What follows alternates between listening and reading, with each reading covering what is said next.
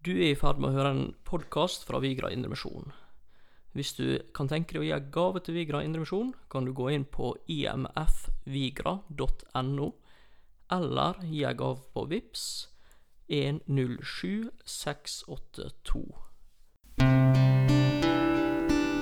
Hei, og velkommen til en ny episode med Markus og Thomas. Hei sann, Thomas. Hva er det vi skal ta for oss i dag? Du, Markus, i dag skal vi snakke om ubåter som sekker, sjøfugler som ikke kan flyge, og traktorer som ikke vil gå. Det høres noe fryktelig frustrerende ut. Ja, Det er et frustrerende avsnitt. Det er det. Romerne kapittel 7, siste halvdel.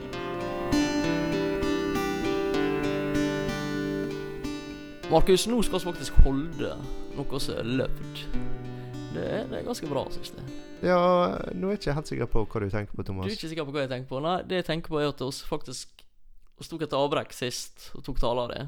Så Ja. vi oss å komme tilbake til Romerne 7. Og Det nå, nå si. gjør oss det. Ja, det gjør oss. Det gjør oss nå. Men før vi setter i gang, så må en jo få gratulere med overstått.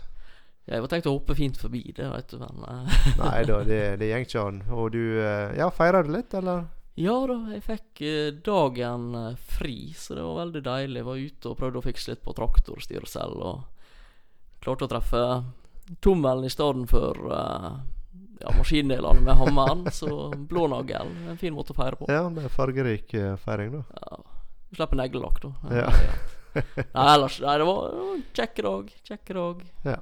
Så det Ja, Det å få fri, det er ikke Det er bra gave. Ja, det er bra gave. Veldig bra gave. Eh, når du har en traktor som er blitt stående de siste to åra, så du endelig da får anledning til å holde på med, så er det faktisk en god følelse. Ja, fikk du den i gang? Fikk den i gang. Han sto og gikk en times tid, og så daud han. Ja ja. Der var det et lite glimt av håp, da. får håpe det at vi kan få det i gang. Ja, men uh, i dag, Thomas, så har vi nå egentlig uh, et interessant uh, avsnitt uh, framfor oss. Vi er i kapittel 7 i Romerbrevet og skal prøve å ta fra vers 14 og ut uh, kapittelet. Og eh, jeg vil påstå dette her er et avsnitt i Guds ord som kan eh, eh, bli en eh, nøkkel for eh, alle som er kristne. Og ikke bare kan det, men jeg tror nesten du må gjennom den prosessen som Paulus tar oss med på her, for å komme videre og oppleve frihet i, uh, i kristenlivet. Jeg vet ikke om du er enig i det, Thomas? Jo, jeg er enig. Her er han Paulus på en måte bygd opp til noe hele veien fram til dette her. Og så kommer han med et sånn veldig personlig eh, ja, vitnesbyrd om hvordan livet er. Eh, der du får noen nyanser som gjør at vi kan forstå mer hva som foregår sjøl. Eh, og så kan det hjelpe oss til å verken havne i det loviske eller bare gi opp. Ja, det er, ikke, det er ikke noen enkel prosess han uh, tar oss med på. Fordi han uh, snakker eh, veldig flott om det enorme potensialet som ligger i det å være rettferdiggjort, og den friheten. Og han snakker om eh, i kapittel 7 her også hvor, eh, hvordan vi er satt fri fra lova gjennom en annen person sin eh, død. Eh, men så møter Paulus hverdagen, og så møter han eh, veggen. Og så gjenger det fra potensialet til eh, problem, og han får store problem. Ja, det blir vanskelig for han dette her nå. Så han, han ser at uh, han på den ene måten ønsker å leve på et vis, og på den andre måten så, så går ikke vandringa gjeng ikke sammen med det han ønsker. Uh, Ja, han, han veit Han veit hva han vil, han veit hva han eh, ønsker og elsker, og så eh, han, Altså, han, han, det er dette her jeg, jeg vil, jeg vil, men jeg får det ikke til. Sant? Det, du kan nesten oppsummere kapittelet eh, sånn. det er sant, Han veit han er elska, han veit han vil. Han veit hva som er godt og rett. Men så kommer det til stykket, og så så feiler han. Ja. Og så er da spørsmålet hva er, det, er, det, er det dette vi kan forvente som kristne? Er, det, er dette kristenlivet? Er det på en måte endeløs eh, frustrasjon eh, der han på en måte blir stående fast, eller eh, Eller hva, hva er dette? Er det bare et steg på veien? Det er sånn Paulus står i hvert fall tilsynelatende her, helt fast. Og så tar oss, han oss inn i dette her eh, Ja, dystre igjen, da, med, med hvordan den konflikten arter seg inn. Mm. Eh, like måten han åpner med at For vi vet at loven er åndelig. Jeg mot, derimot er kjødelig. Um, så det, det, er på en måte Det er balanse her. Lova er god, men det er jo lova som dømmer oss. Mm. Ja, ja og, det, og, dette reflekterer egentlig litt av det du ser i hele dette avsnittet. At det er på den ene sida og så på den andre sida. Altså du, du, blir dratt i to ulike retninger.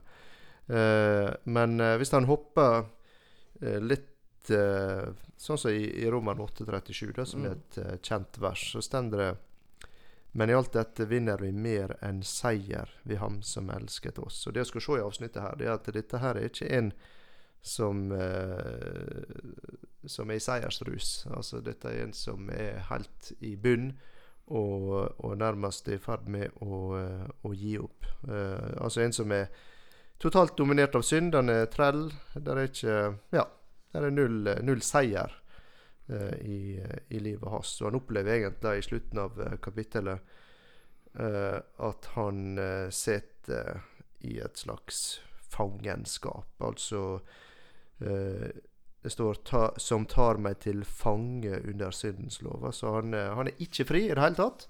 Han sitter fast i gjørma og kommer ingen vei. Og jeg vet ikke jeg, det, det, det, En av de tingene som vi skal ta fram en del i dag også, det er om oss våger å være ærlige med oss sjøl og vår egen situasjon, og hvor viktig det er for å bli med Paulus inn i dette, og for å komme videre. Og Så skal vi over til kapittel åtte etter hvert. Det, ja, det skal vi. For det, for det, tenk om det altså Oppsummeringa av Paulus på slutten av kapittelet, det er 'jeg elendige menneske'. Og det har vært veldig trist hvis det endte sånn, på en måte. Et utrop. Hvem skal fri meg fra dette dødens legeme? Altså, ja. det, det, er så mørkt.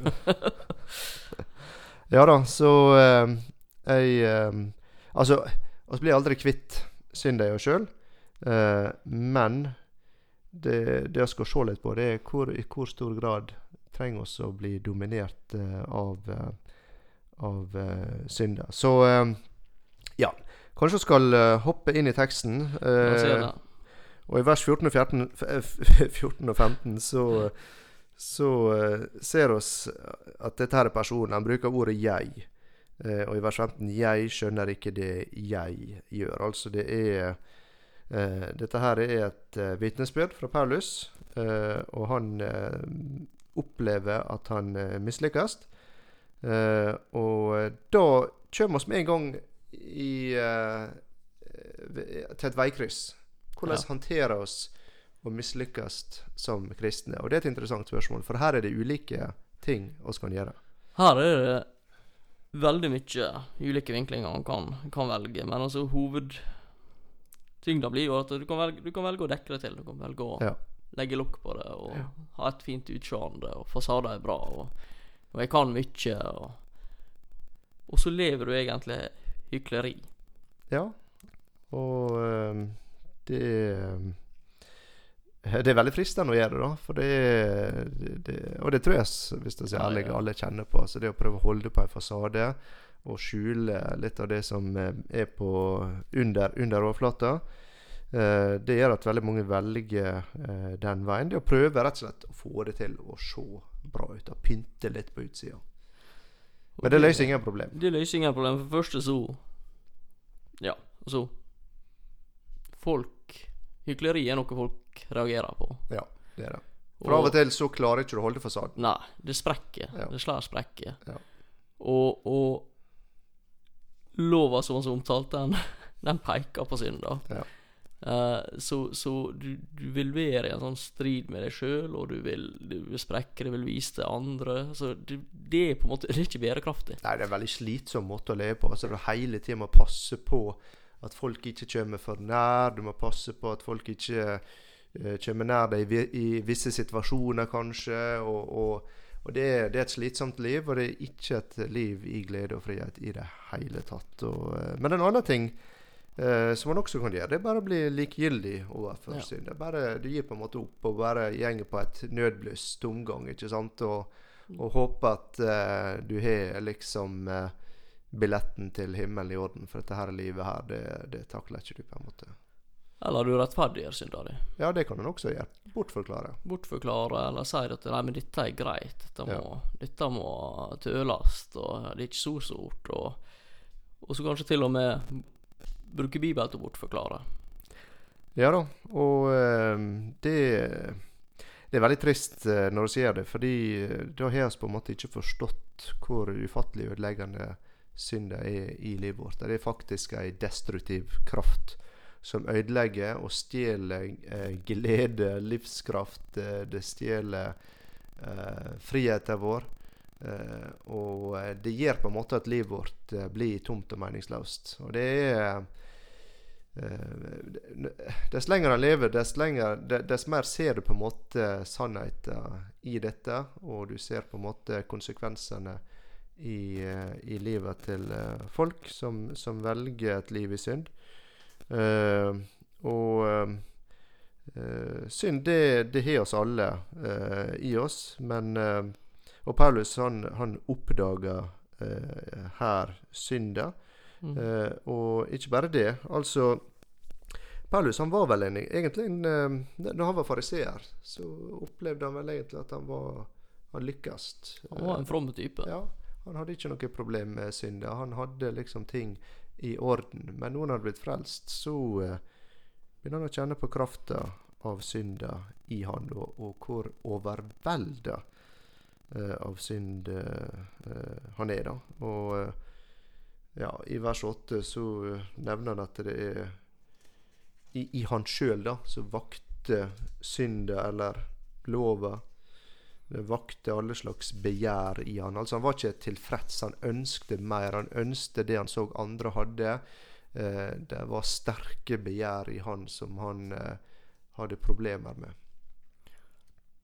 Hva de begjæra er, det er ikke han gått så mye mer innpå sånn sett, men Men jeg tror, tror Altså, begjær det er noe som oss, oss kjenner oss igjen i når noen kommer med ny bil, eller uh, Ja, det, det er sterke altså, følelser. det er sterke følelser. Det er på en måte noe som, som trigger noe i oss. Det viser oss liksom denne makta som Som kjødet, synda i kjødet, har- i oss. da Ja, og det eh, Altså, han, han sier Det jeg vil, det gjør jeg ikke, men det jeg hater Det jeg hater, det, det gjør jeg. Og eh, Så det er Det er voldsomme krefter. Altså eh, Og, og jeg tror hvis vi er ærlige igjen, så så gjør oss alle ting som oss ikke vil gjøre. Og kanskje det er en feil som oss gjentar igjen og igjen. Kanskje er det overfor ungene våre, overfor eh, kollegaer, overfor ektefeller. Så tenker de at nei, dette skal jeg nå slutte med. Du ser at du sårer folk, eh, hva det nå enn er, og så skjer det igjen. Og da må vi egentlig innrømme at her er det krefter i oss som ikke oss rår over sjøl. Her er det noe som dominerer. Her er det noe som Sjøl Selv om jeg ikke ønsker å gjøre dette, så er det krefter som driver meg inn i dette, og jeg klarer ikke å holde igjen. Ja, dette er Det sitter så djupt, for at det En ting er jo å innrømme det over for seg sjøl, og så har du det at ja, OK, men, men så er det stolthet i det. For ikke bare må jeg innrømme det overfor meg sjøl, men altså, jeg må faktisk anerkjenne at slik er det, og kanskje til og med har folk jeg må gå og snakke med i forhold til det, og, og så blir det på en måte at det, det krever en ærlighet, og det krever at vi ikke finner tilfredshet med, med de fasadene vi kanskje klarer å opprettholde små, små innsjå i realitetene. Mm. Og det er det Paulus sier. Altså han, han er så ærlig. Han fortsetter egentlig å være analytisk, selv om her er det personlige problemer han sliter med. Så, så beskriver han eh, problemet på en måte som hjelper oss til å forstå og analysere eh, vår egen situasjon. Eh, og eh, ønsker Han inviterer oss med egentlig inn i en veldig tung og vanskelig vandring. Men det er en vandring oss må ta for å se Altså Du må gjennom den tunnelen for å komme ut på andre sida og se at det er noe annet. Jeg tror det er vesentlig i forhold til det å bli standgjort stand gjort til å bære frukt, til å få den friheten det er snakk om. Og det, det som Paulus også er, er, veldig ærlig på her, det er at problemet det bor inne i han. Altså det, det, det bor inne i oss uh, sjøl. Uh, han sier i vers 17 så er det ikke lenger jeg som gjør det, men synden som bor uh, i meg. Uh, altså det er noe som bor i oss. Han nevner ikke omstendigheter. Han nevner ikke at det, det regner i tre måneder i strekk.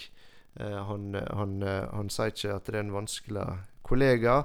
Han skylder ikke engang på, på djevelen sjøl. Han sier dette her problemet det eh, er, er, her inne.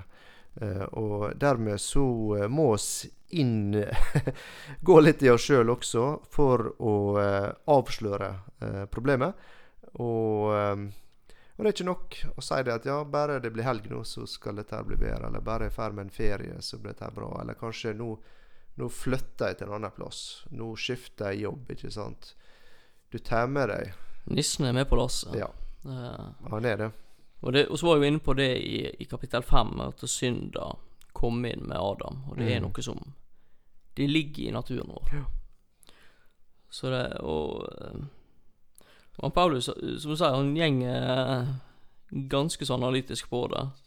Og viser hvordan han er dominert av synd. Altså Det er ikke bare det at det er tilfeldig glipp her og der det, det, er noe som dominerer han. Ja, det er det. Og, og, og, han begynner med egentlig i begynnelsen av prosessen å innrømme at han, er, han, han skjønner ikke helt hva som foregår. Han er forvirra. Altså, altså, livet hans gir ikke mening. Hvorfor, hvorfor gjør jeg dette her? Hvorfor, hvorfor, hvorfor tenker jeg hele tida på det naboen min har nå, eh, som er egentlig Ja, jeg skulle bare unne han og være glad for at han er, ikke sant? Men jeg klarer ikke å slippe den tanken at jeg misunner han uh, dette. Og uh, Så det er en eh, forvirrende kamp. Han blir dratt i forskjellige retninger. Eh, og det er nesten sånn du kan bli litt svimmel av å eh, følge Paulus her. For det, det, er veldig fram og tilbake, og det er store krefter i uh, sving. og han sier ganske enkelt Altså Hvis vi skal være ærlige, da. Enkelte av oss er kanskje lett for å En lett utvei hvis vi føler oss kommet til ei knipe, det er ei løgn, ikke sant. Så jeg veit at løgn er galt, men jeg gjør det. Jeg veit at baksnakkelse er galt, men jeg gjør det likevel. Jeg veit at uh, sex utenom ekteskap er galt, men det er det likevel. Og, og, og uh, Paulus i denne prosessen, igjen, han er dønn ærlig. Og så blir det utfordringer på oss våger også å være like ærlige som han. Våger oss å følge Paulus inn eh, på denne her vandringa. Våger oss å si det som det er, eh, det som foregår i, i vårt eh, hjerte. Altså legge av eh, maska. Og jeg tror ikke det var lett for Paulus å skrive dette. Altså tenk det, nå, så har jeg sagt det også tidligere, at her skriver han til folk han ikke kjenner. Ja, ja. og det å liksom ja, skal jeg skrive et brev til NRK og fortelle om Hei, jeg er Thomas og, og Kristen, og her, her er problemene mine. Ja. Altså, det er litt uh, Du vet ikke hva du møter når du ikke kjenner deg. Du vet ikke om dette blir bløtt med fordømmelse, eller hva det blir. Så det, må ha kosta. Ja. Ja, det har, det har kosta, og han, han, han bærer på ei byrde. Og, og dette er byrde som kan gjøre at vi rett og slett begynner å hate oss sjøl. Ja. Eh, og blir så oppgitt over oss sjøl. Eh, og det er en veldig farlig plass å komme også. Eh, og, og, det er veldig flott at eh, Vi kan jo avsløre det at eh, Paulus kommer med en løsning eh, på dette. her da. for klart når, Hvis du gjentar ting som er ødeleggende for deg sjøl og for de rundt deg, og du, er en ond sirkel, og du kommer ikke ut av det Det er klart det, det kan føle til at du rett og slett begynner å mislike deg sjøl. Klart det tærer. Og så gir det noe med vår evne til relasjoner med hverandre ja, og med ja. Gud. At du på en måte Hvis jeg veit at det jeg gjør, er destruktivt overfor for andre, så, så, enten så må en slutte med det. Hvis jeg ikke er i stand til det, ja, hva gjør jeg? Kanskje det er naturlig å trekke seg unna. Jeg vil ikke påføre deg noen skade. Mm. Og så har du det gående, og du, du, får et ganske miserabelt liv. Ja, du gjør det. Og eh, egentlig Jeg, jeg, jeg tenkte en del på dette her med vennskap eh, i det siste, Thomas. Og det er nesten det frister å ta en eh, pause en annen gang i løpet av Romerbrevet for oss å ta en podkast om eh, vennskap. For jeg, jeg tror det, det er veldig mye der som egentlig er litt uh, det du ser her også. At hvis du virkelig skal ha et vennskap, så må du kunne være ærlig. Det må kunne være altså, Du var altså litt inne på det forrige gang også. Da, det å ha en person som du kan være deg sjøl med. Uh, det kan hjelpe i denne prosessen her. Eh, og, og streng hjelp. Og det er derfor i våre forsamlinger også så går vi av og til og med maske på. Men da, da kommer vi ingen vei. Nei, det er klart at eh, hvis vi holder opp fasadene, hvis folk ikke får komme under huda på oss, Ja. da eh, Da stopper det ja, og så er det veldig lett for de som du, du som går og, og, og sliter med noe. Du tenker at alle andre de, de sliter ikke med ting. De har alt i Mm. orden. ikke sant? Fordi de er så flinke med, med fasadene sine. Og så får ikke du Så blir det bare verre og verre, for det ligger på innsida.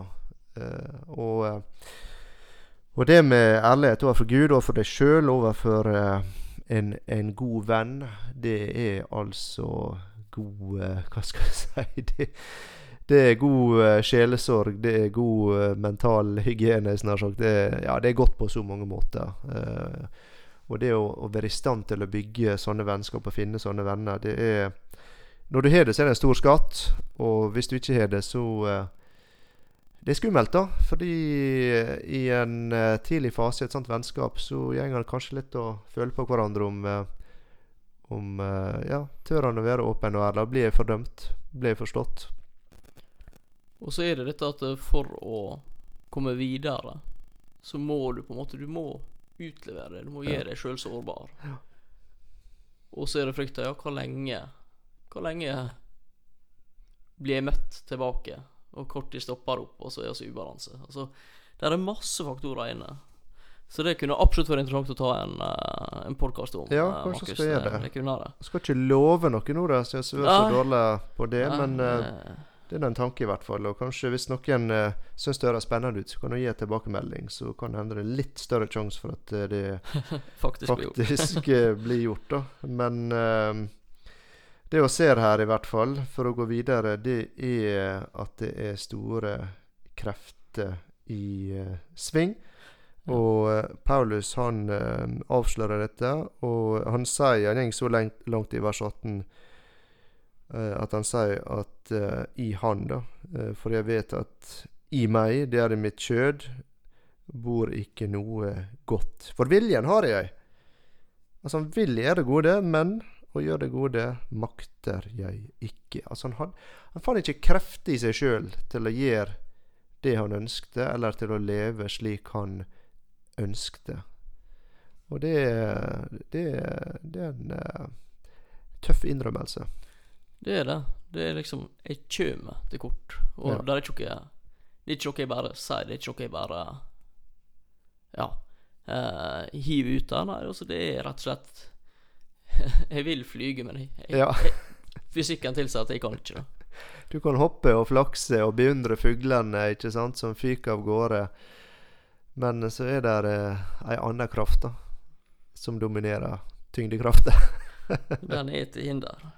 Den er det. Og jeg, jeg syns eh, for meg er det en veldig, en veldig god illustrasjon eh, med en eh, sjøfugl, som vi av og til ser på nyhetene etter uh, oljesøl. Så er det sånne sjøfugler som har fått olje på uh, fjørdrakta si. Og da har du altså en fugl som er skapt for å flyge. Det er et fantastisk design. De er så elegante i lufta. Men nå er de helt hjelpeløse, ute av stand til å flyge. Fordi de er dominert av noe annet, altså denne oljen som sitter i fjørdrakta, og dominerer dem totalt. Og det er litt eh, den situasjonen Paulus beskriver, at han, han opplever som rettferdiggjort kristen at han har kommet inn i et nytt liv. Han ser et enormt potensial. Han kan flyge. Og så prøver han, og så går han rett i bakken. Og så er det, han er så frustrert. Og bare hva er det som skjer her, altså? Her, nå er jeg skapt til å flyge, og så er det noe annet som dominerer, og som holder den nede. Og det er Ja, han er rett og slett det motsatte av å flyge. Ja, han stuper. Ja. Og, og det, det er dette når, når kjød eller da. Det blir jo denne ulja som holder oss igjen, da, så du Ja. så fint bilde. Og og og så blir jo ikke kvitt det i dette livet. Nei. Nei da, det blir ikke det. Men ja, det er fristende å hoppe framover her nå. Men eh, jeg, jeg syns det er litt interessant å snu det litt på her du også. Fordi du kan si det at syndet eh, gjør at han ikke klarer å leve sånn som han vil. Men syndet gir ham også krefter til å gjøre det onde. Mm. Ja, til å gjøre det onde. Og, og jeg syns det er på en måte litt interessant å se på det sånn også, for det må da ei kraft til. Altså Hvis du ikke ønsker å gjøre noe av hele din vilje, og så gjør du det likevel, da er det kreft i sving. Og eh, av og til så uh, får vi se og høre om eh, folk som gjør helt uforståelig grusomme handlinger. Altså Det er nærmest sånn at det strider imot oss som eh, mennesker. Jeg tenker Hva som gjør deg i stand til å gjøre slike handlinger? Altså Foreldre som mishandler egne barn. ikke sant? Altså Hva, hva slags krefter i sving for å tvinge Altså, jeg kan ikke si tvinge heller, men, men som gjør en forelder i stand til å gjøre noe så vondt? Ja, det er sterke krefter. Jeg Jeg har et potensielt dårlig uh, bilde på dette her. Ja. Kom putsa på det nå, så det er helt ut av Så du får dømme da om at det er bra eller ikke. Ja, det blir skyt for ofte. Men jeg husker når, oss, eh, når jeg vokste opp Seke på YA, da brukte vi å fare på gokartbanen i Olsvika for å, for å kose oss der da, sånn en gang i året. Det var veldig stas. Og der var de veldig harde på dette her med at det aldri gass og brems samtidig. Det var folefristende å prøve. Jeg, jeg gjorde ikke det. Det skal jeg ærlig. Men hva skjer på en, sånn maskin når du holder inne bremser og du gir gass? Ja. Jo, da er bremsene så godt laga til at de holder hjula i ro. Ja. Og du gir gass. Der er ikke noe som tar av. Det ikke noe kløtsj du kan trykke inn og hindre. Og du sprenger motoren. Ja.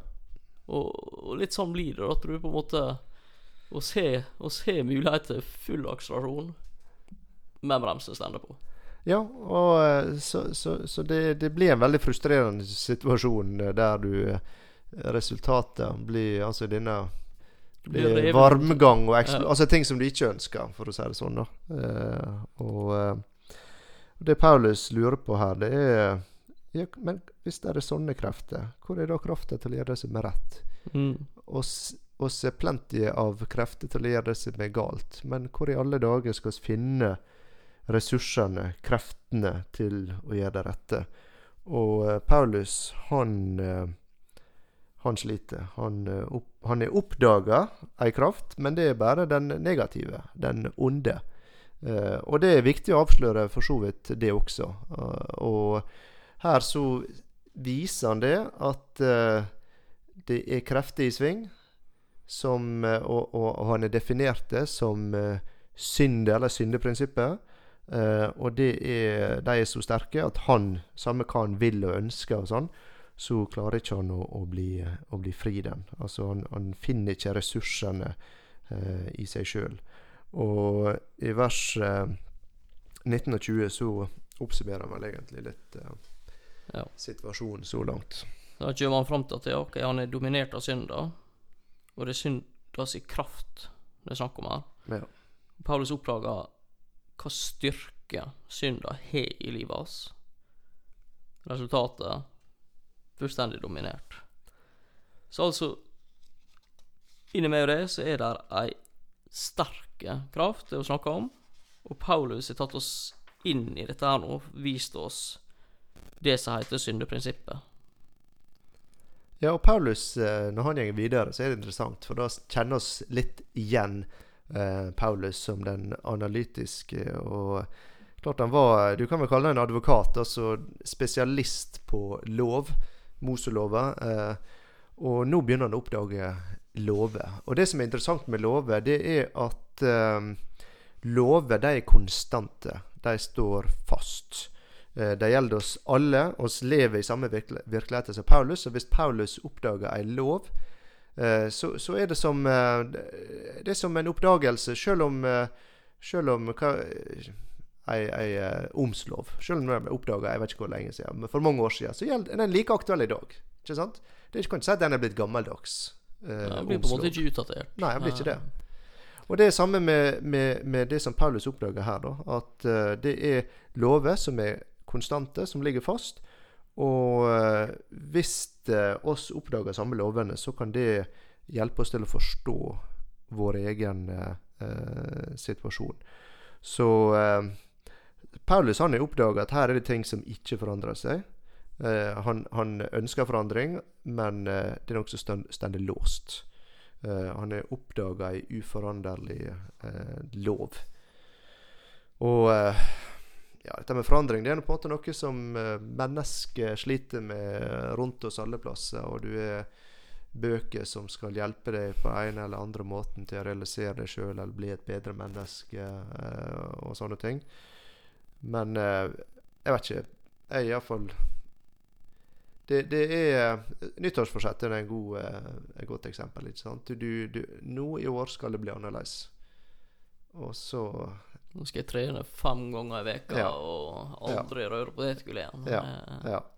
Vi kjenner oss igjen, ikke sant? Kjenner oss igjen. Ja. Det er ikke alltid uh, det gjenger sånn som vi hadde tenkt. Nei, det, oss er vanedyr, da. Så det um, og, og, og, og disse lovene du snakker om, altså nå, nå, er jo det det at han tar oss inn i, inn i det og, og viser oss hva på en måte lover som dominerer, eller som peker på synd. Hvordan kan vi vinkle den? Ja si, Hvis han ser i vers 21, da. Jeg finner altså den lov for meg. Uh, og det er egentlig tre lover han finner. Altså det, er den lov for meg, som, han kaller det her. Uh, og der, det, det er en personlig lov. Og så nevner han også Guds lov, eller den blir kalt lova i mitt sinn. Og så uh, nevner han uh, syndens lov, eller en annen lov. Og det er den vi egentlig snakker mest om nå. da, Ei mm. uforandret lov. Den som han fant i sine lemmer, i kroppen sin, den som bodde i han. så så han er, han er oppdaga lover eh, som ligger fast. Eh, og eh, han Han har sagt allerede at han med glede ser på eh, Guds lov. Altså det er den han ønsker å, å følge. Eh, men det er helt, eh, det er helt umulig for ham. Og du nevnte nissen på lasset, og det den første lova, det, det, handler akkurat om det, da. På engelsk så det, står det 'Evil is present with me'. Altså det onde er i meg. Og Jeg må ta med et diktet jeg har notert her. Og mannen ville fra nissen flytte, men reisen ble ham til ingen nytte. For høyt på vognlasset nissen lo. Jeg tror vi flytter i dag, vi to. Jeg tror vi flytter i dag, vi to. Så det er noen som har sett uh, litt av det samme prinsippet i, uh, i norsk I, i, i, den norske kulturen også, da, i norsk historie. Så det, det er å kjenne oss igjen der. Altså, dette er ting som vi dreier med oss. Det er ting som uh, bor i oss, og som oss kan prøve å flykte ifra, men vi klarer ikke. Ja, og dette er på en måte om du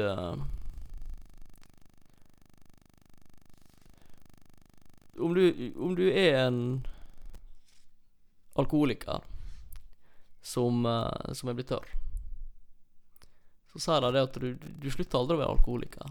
Og så finner du overlevelsesmekanismer uh, som gjør at du kanskje ikke går på butikken mens uh, de selger, og du kanskje ikke oppsøker plasser der du vet de drikker. Og så er du på en sånn hårfin balanse hele tida, så du holder Du holder deg synes det er dragning hele tida mot det. Og, og, og, slik er det med den der Det er i oss. Det er ikke noe oss Ja, klart en alkoholiker kan teoretisk sett bli helt kvitt den. Det er ikke for å sette alle i den sjanseløseste alkoholikeren, det er ikke det jeg sier. Men mange erfarer det sånn. Men her er det i oss. Det er noe vondt i oss. Mm. Det er ikke Satan, Vi blir ikke kvitt det. Nei, og så i vers 23, da, der eh, nevner han dette med Altså, han ser eh, dette onde, eller uh, denne her loven, som strider mot lova i mitt sinn.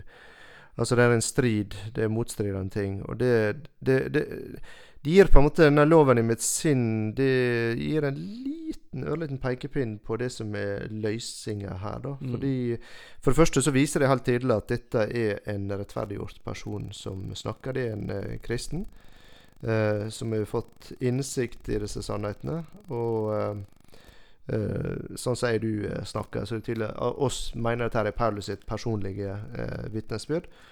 Eh, og han snakker om noe som er i sitt indre menneske. Og hvis han Du kan jo slå det opp, du som hører på i Feseren 3.16. Det viser at det indre mennesket trenger Guds ånd. Og der er en liten nøkkel, egentlig, til det vi skal komme til i kapittel 8. Da. At han har funnet ei lov i sitt sinn som på en måte er det gode, det som han ønsker å gjøre, men han har ikke funnet noen krefter. Så må han liksom koble den på ei kraft som er sterkere enn uh, syndekrafta. Og, og der Den koblinga har ikke han uh, kommet til ennå. Uh, men Men ja, vi trenger ikke si så mye mer om det. Vi kan ta det når vi kommer til kapittel åtte.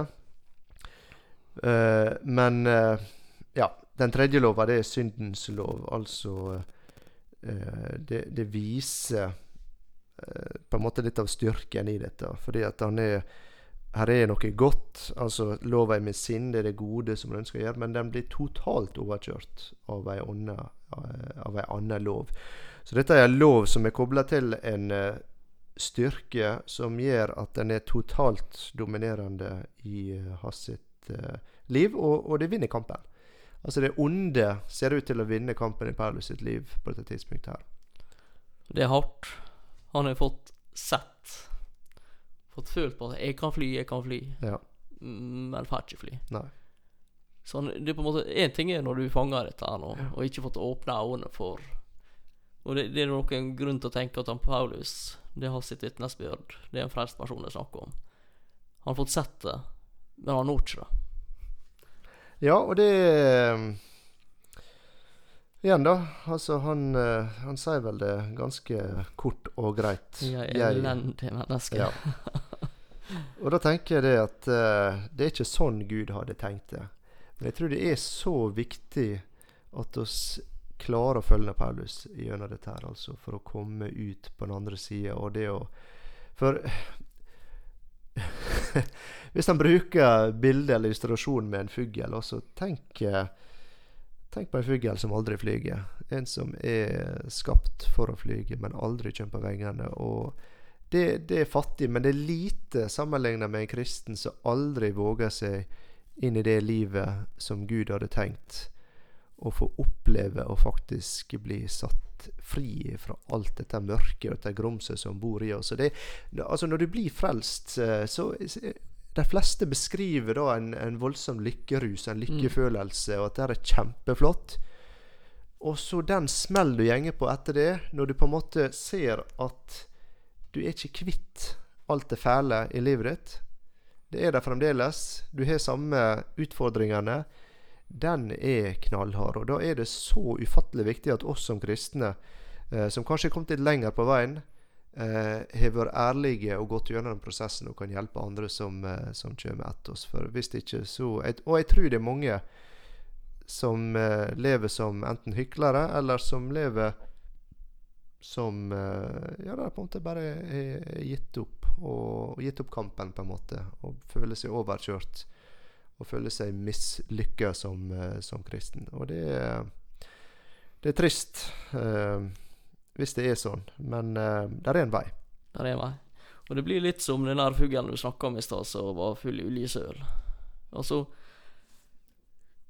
Det virker som at vi på en måte oss trenger denne smellen. Nå sier ikke at alle kristne trenger å bli deprimert, men du trenger å være så langt nede at du innser Det han Paulus innsett her. At mm. Jeg klarer ikke det sjøl. Jeg kan ikke bære det sjøl. For det er ikke du som skal bære det sjøl. Du må ha noen til å gnikke den olja ut av fjøra. Ja. ja, det han gjør her, det er han, han sier plutselig i vers 24 Han sier 'jeg er eh, elendige mennesker'. Altså, da er han på bunn. Og så er han 'Hvem skal fri meg fra dette dødens legeme?' Da begynner han å se. Er det, er det noen annen? Jeg klarer ikke det sjøl. Er det noen der ute som kan fri meg ifra dette? Og her er det ufattelig viktig å forstå at dette er ikke snakk om eh, du er frelst eller ikke. Det er ikke snakk om rettferdiggjørelsen. Dette er snakk om den vandringa. Eh, så det er disse tre ulike frelsene. Frelse fortid, frelse nåtid, frelse framtid. Her er det frelse nåtid Det det er er snakk om. helliggjørelsen. Ja, det er det. Og, og hvis han begynner å blande her, da blir han fort lost. Det, Ja, det, det blir han, og det er veldig skummelt. Og, eh, men jeg, hva hindrer oss i å komme videre i denne prosessen? Og det er vel bare oss sjøl, vår egen stolthet, er ikke det, som eh, stopper dette? jo, altså det, det er jo Det er jo det. Altså Hvis vi klarer å Nå oss retter blikket mot oss sjøl. Hele veien. Det er det han Paulus har gjort med. Ja, han har gjort det. Det, det er meg sjøl. Det er meg, meg, meg. Og uh, meg-vesen er ikke noe kjekke. Nei, nei det, uh, og og, og, og det, det er det han har gjort. ja. Og så, Så blir frustrert. han- ja, i frustrasjon, så kommer han her da i vers 25, og så løfter han blikket. Da løfter han blikket, og han er innsett. Og det, det er nok Altså, du må innse at du trenger hjelp. Og jeg, jeg har alltid kalt dette her den andre omvendelsen. Eh, For det minner veldig om eh, når du blir frelst eller rettferdiggjort. For da må du også innrømme eh, at du klarer ikke dette her sjøl. Du trenger tilgivelse, du trenger frelse. Du trenger å sette din lit til noe annet for ditt evige håp, din evige framtid. Eh, og så kommer vi her til en situasjon der du egentlig eh, må innrømme det samme når det gjelder det å leve som kristen. At det der får jeg ikke til. Eh, Jeg trenger hjelp her også. Jeg, jeg må innrømme at jeg har gått totalt konkurs i å gå tom for ideer, gå tom for energi når det gjelder å leve som kristen. Ja, De personlige trenger- ressursene er oppbrent. Ja. Og du får på en måte da muligheter til å gå fra Enten så stoppes det, og så lever vi dette livet, og så med dette. Eller så ydmyker vi oss, og så kryper oss inn til korset. Ja, og eh, må vel begynne å komme til en konklusjon her for i dag, da. Men eh, eh, slik som kapittelinndelinga her er, så får oss eh, Så får oss et svar allerede i vers 25. Jeg vet ikke om eh, du har det framfor deg, Thomas, så du kan lese det verset. Gud være takk ved Jesus Kristus, vår Herre. Jeg, som jeg er, tjener da Guds lov med mitt sinn, men syndens lov med mitt kjød. Ja. Så du har kampen. Du har det gode og det onde på en måte i, i full sving. Uh, men han ser ei løsning i en person. Husk relasjon, ikke religion. Mm. Og når han da får retta dette blikket på den personen, og forsøkte han, det er da det er da det løser seg. Ja, det er det. Og eh, jeg vet ikke om jeg tenkte kanskje å ta en liten sånn eh, oppsummering av noen av de uh, tingene vi har sett på eh, i romerbrevet fram til nå. Så har sett på syndet og ondskapen i verden, og vi har sett Mm. på syndet og ondskapen i meg. Og så sett på problemet med moraliserende religiøsitet. Og så sett på lova som sier 'gjør dette og bli rettferdig'. Men ressursene den støtter seg på, er i oss, altså vår kraft. Og så har jeg sett på behovet for å gi opp og ta imot hjelp. Eh, og så sett på utfordringer i å by fram våre kropper og lemmer. Det å leve som eh, rettferdiggjorte. Og så har jeg sett på det har sett i dag, gleden over frelse, som da blir gjort om til frustrasjon over egen svakhet. Det kjenner oss veldig godt igjen i det. Og ser store krefter i sving. Og det, det er litt som Paulus har vært en liten båt ute på havet, og bølg, ei bølge kaster henne hit, en annen bølge kaster henne dit. Og han eh, Ja, han er, han er helt ute av eh, stand. Ute av stand til å begynne å sette kursen eh, dit han vil. Og nå har vi på en måte fulgt henne i et løp, og Ja. så er oss i nåtid. Ja. Oss er i eh, helliggjørelsen. Oss er i startskuddet for vandringa for alvor. Ja. Um, så det er Ja. Det er her du på en måte får muligheter til det du har i vente. Eh, og Ja, du, du tar valg nå som på en måte vil prege hva du kan si kristenlivet ditt til livet ditt. Ja. Har vært med seg. Jeg tok med ei, ei fortelling her som jeg syns eh, illustrerer litt av vår utfordring når det gjelder den ydmykelsen det er å måtte innrømme at du trenger hjelp utenfra. Og det er Det begynner å bli noen år siden nå, da. Det var i, i år 2000, eh, den 12. august. Eh, da eh, var det en øvelsestorpedo som eksploderte i den russiske ubåten Kursk. Jeg vet ikke om du husker den her Og Kursk-episoden? Ja. dette husker jeg godt, faktisk. Så de drev forberedte en sånn prøveskyting i, i Barentshavet. Og eksplosjonen den var så kraftig at den gjorde utslag på seismiske målestasjoner på flere plasser i Nord-Europa. Og ubåten det var, den, eh, det var liksom stoltheten til, den russiske eh, nordflåten. Den sakk på 108 meters dyp. Og så gikk det to dager før resten av verden fikk eh, vite hva som hadde skjedd. Da var det fremdeles håp om å redde ut eh, overlevende. Eh, og viseadmiral Einar Skorgen var øverstkommanderende for de norske styrkene i Nord-Norge og tilbød med en gang norsk assistanse. Han fikk til svar at situasjonen var under kontroll. To dager seinere fikk Skorgen en telefon. Nå trenger de hjelp. Og straks så var det et norsk eh, skip som eh, for av gårde med dykkere, dykkerklokke eh, om bord. 18. august, altså nå er det da seks dager seinere, så var de framme. Og når de norske dykkerne åpner redningsluka i seksjon 9 der, da, så strømmer det skittent vann og gass ut, og det var klart at alt håp om å redde overlevende var ute. Det var for seint. Ene og alene fordi det var vanskelig å be om hjelp. Stoltheten sto i veien. Det gjorde den. Og sånn må ikke det være med oss. Og så er det en som står og rekker ut hånda og vil hjelpe. Ja, og så er det som en havarert båt. Det er det Paulus eh, egentlig beskriver. En havarert ubåt på havbunnen trenger hjelp. Han kommer ikke, kommer ikke seg opp Ikke fra sjans. havbunnen. Ikke kjangs. Så det ja, utfordring eh, for alle å tenke på. Og det er utfordring egentlig hele tida. Dette er ikke noe som du gjør en gang og blir ferdig med, for det er lett for å snike seg inn eh, tanker om at vi klarer oss sjøl hele tida. Så det er en god påminner for meg også, dette her. Ja, det er Jeg, jeg tror vi trenger denne påminneren. Jeg tror vi trenger å mm, på en måte løfte blikket fra oss sjøl. Vi har lett for å gå og tenke ja, sånn er det, og sånn er situasjonen min, og, og dette er det det er. Men uh, hvis vi ser litt større på ting, hever, får et litt annet perspektiv, og så får vinkla det mot han som gir oss kraft, og, og, og det er håp, tenker jeg. Ja, det er det. Og det, det som er så flott, hvis vi er villige til å be om hjelp, så er det altså krefter.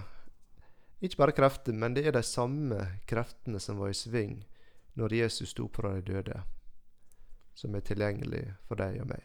Mer enn det skal jeg ikke si om den saken i dag. Nei, det, må spare litt. Spare litt. Du, jeg tenkte på en sang, og det er ikke den typiske sangen å, å uh, avslutte med. Litt sånn Du kjenner han uh, Åge Samuelsen? Ja da. Han er en fin her Jeg husker ikke hva sangen heter, så det, men teksten går nok sånn som dette her at eh, Du har lenge levd i Romerbrevet 7, min kjære venn, og du gjør alt det du slettes ikke vil. Fly nå til kapittel 8 fra all fordømmelse, og da gjør du så som ånden leder til.